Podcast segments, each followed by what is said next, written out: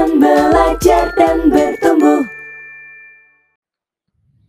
Nah, jika seandainya teman-teman ini sudah memiliki instrumen investasi, lalu apa yang dilakukan? Teman-teman juga harus mempersiapkan yang namanya asuransi. Jangan pernah sekali-sekali itu mereject nomor agen asuransi ya kalau misalkan seandainya belum punya asuransi gitu. Karena uh, asuransi itu ibaratkan kita membayar uh, security ya untuk hidup kita gitu ya. Jadi uh, agar teman-teman ini tidak menjual aset untuk membiayai ketika kita sakit. Nah ini konsepnya kan uh, memang sebenarnya baik ya untuk kita ya, uh, tapi yang terjadi di Indonesia adalah uh, ya saya fair aja, jadi teman-teman agen asuransi ini tidak memiliki lisensi, lalu hanya menjual, hanya mementingkan keuntungan dari penjualan produknya.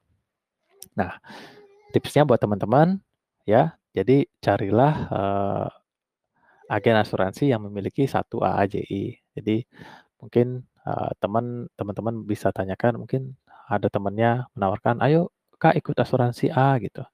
Nah boleh tanyakan, Uh, maaf dulu sebelumnya, uh, apakah Kakak ini sudah, uh, tersertifikasi tergabung dalam AAJI atau belum? Ujian sudah ujian AAJI atau belum? Karena memang sebagai agen asuransi pun harus memiliki yang namanya, uh, sertifikat AAJI gitu. Lalu yang kedua, uh, teman-teman, uh, kami sarankan adalah untuk memilih, uh, produk asuransi yang memang tidak ada embel-embel investasinya, gitu ya. Jadi, uh, carilah yang memang, uh, proteksi, misalkan asuransi kesehatan saja atau asuransi jiwa saja, ya. Ya, jadi tidak ada, uh, di situ pisahkan pisahkan antara membeli asuransi ini untuk proteksi.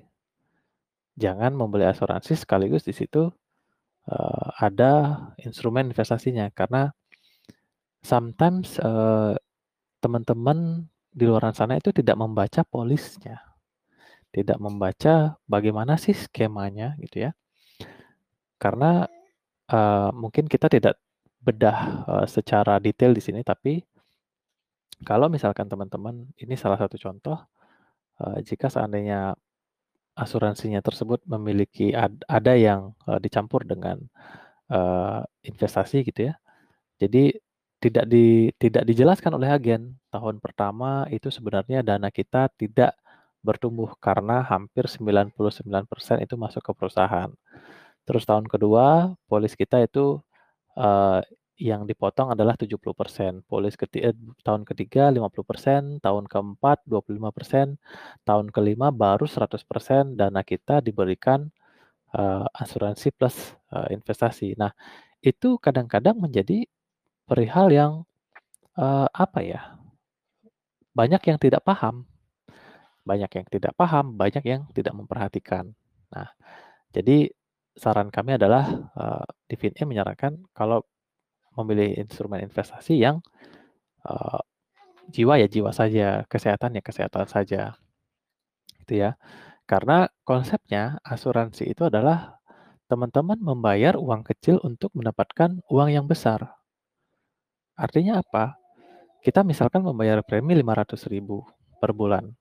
Nah, misalkan asuransi kesehatan, ya uh, kita berdoa juga teman-teman ini kita semua dalam keadaan sehat gitu ya. Kita juga tidak tahu sebenarnya uh, kapan kita sakit, kapan kita uh, ya mungkin uh, pass away ya lah ya.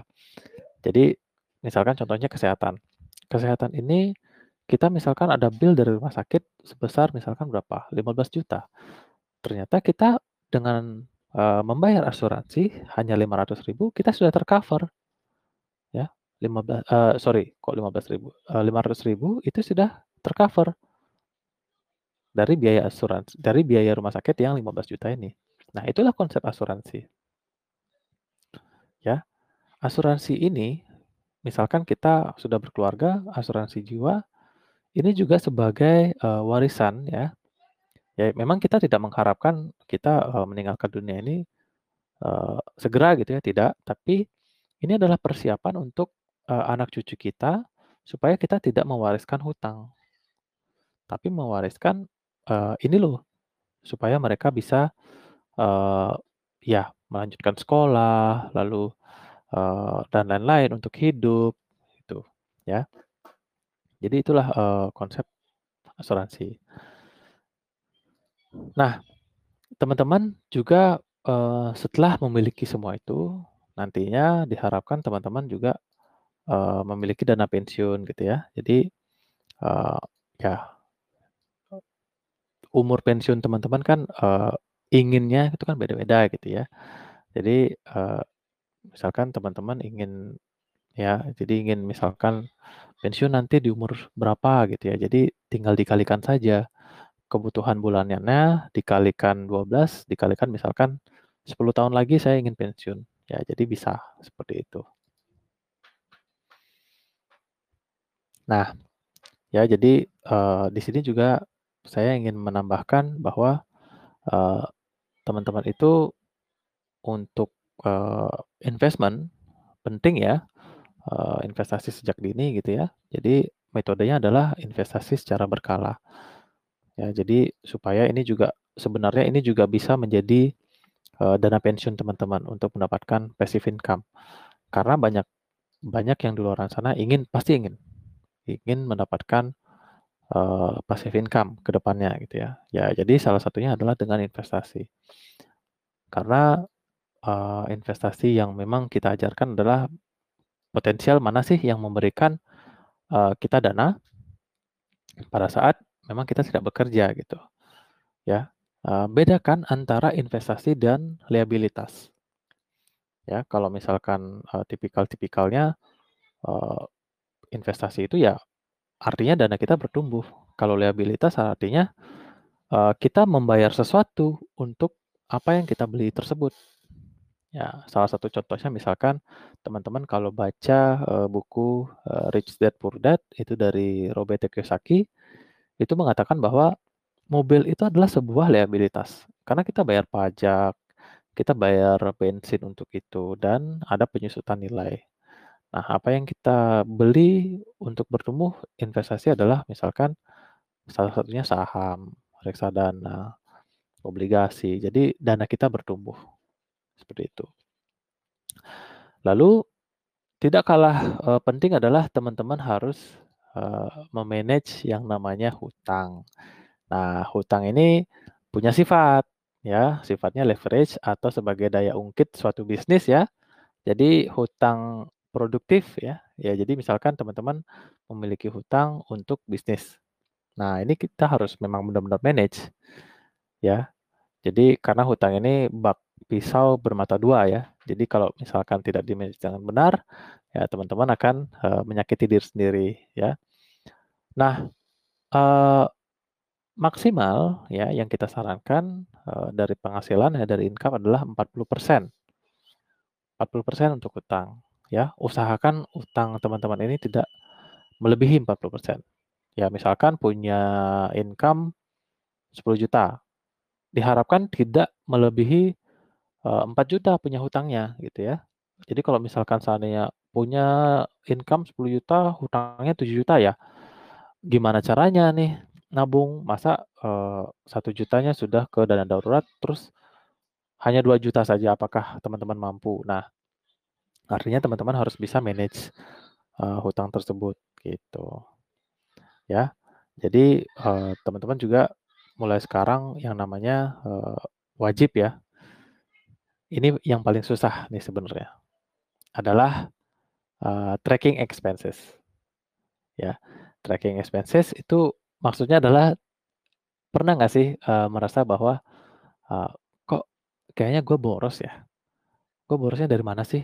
Misalkan Grab, terus Gojek, terus apalagi? Shopee Food. Jadi teman-teman di sini harus realize ya, harus sadar bahwa ya, teman-teman ini harus sadar bahwa, eee, harus yang harus eee, harus melihat yang namanya, eee, tracking ini sebenarnya gue ngabisin duit gue tuh ke mana aja sih gitu. Nah, ini harus dilihat. Ya, apakah online shop kah? Ataukah di Lazada 11.11 udah habis gajinya misalkan atau, eee, misalkan ada yang masih kuliah uang jajannya habis buat, eee, Lazada 11.11.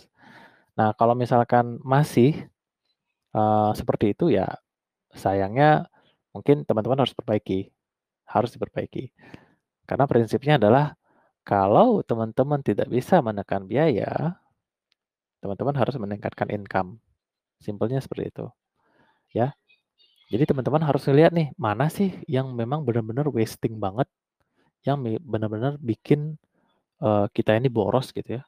Masa misalkan penghasilan Rp1.000.000 eh sorry Rp10.000.000, eee, duit makannya sampai Rp4.000.000 gitu misalkan sebulan. Ya kayaknya teman-teman harus mikir, eee, "Wah, gua kayaknya memang mesti masak deh."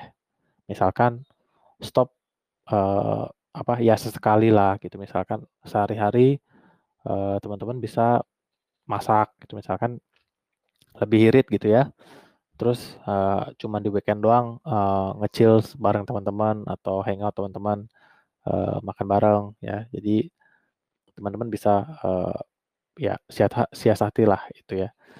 Karena ini benar-benar permasalahan yang sometimes, "Gua bisa nggak sih bisa nggak sih?" Gitu, ya. Jadi ini memang langkah-langkahnya teman-teman harus, eee, sadar diri, "Wah, kayaknya gua boros di sini nih. Gua harus, eee, coba nih sekarang perbaiki." Gitu.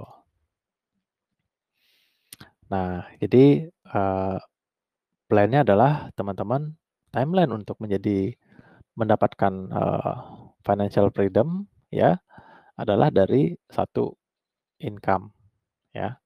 Income, teman-teman mendapatkan income, teman-teman melakukan saving, teman-teman melakukan investasi, teman-teman melakukan proteksi.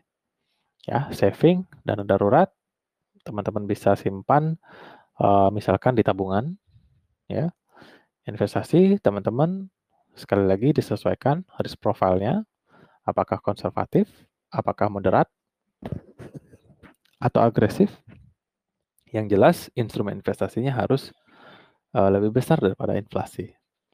Nah, terakhir adalah proteksi. Teman-teman wajib melindungi diri teman-teman ya. Saran saya BPJS saja tidak cukup karena BPJS, eee, hanya, eee, meng-cover, eee, limited ya, limited cover untuk, eee, beberapa case ya. Jadi teman-teman harus memilih, ya proteksi yang lain, seperti itu. Nah, ini juga, eee, sudah di-share juga oleh Kak Syafira ya.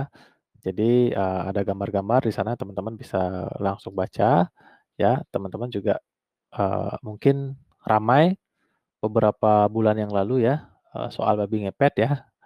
Jadi teman-teman harus, eee, bekerja ya, bekerja dengan keras dan cerdas, eee, sampai orang-orang itu mengira teman-teman itu, memelihara babi ngepet, itu kata ya Raditya. Nah, seperti itu. Jadi, sekian ya pembawaan materi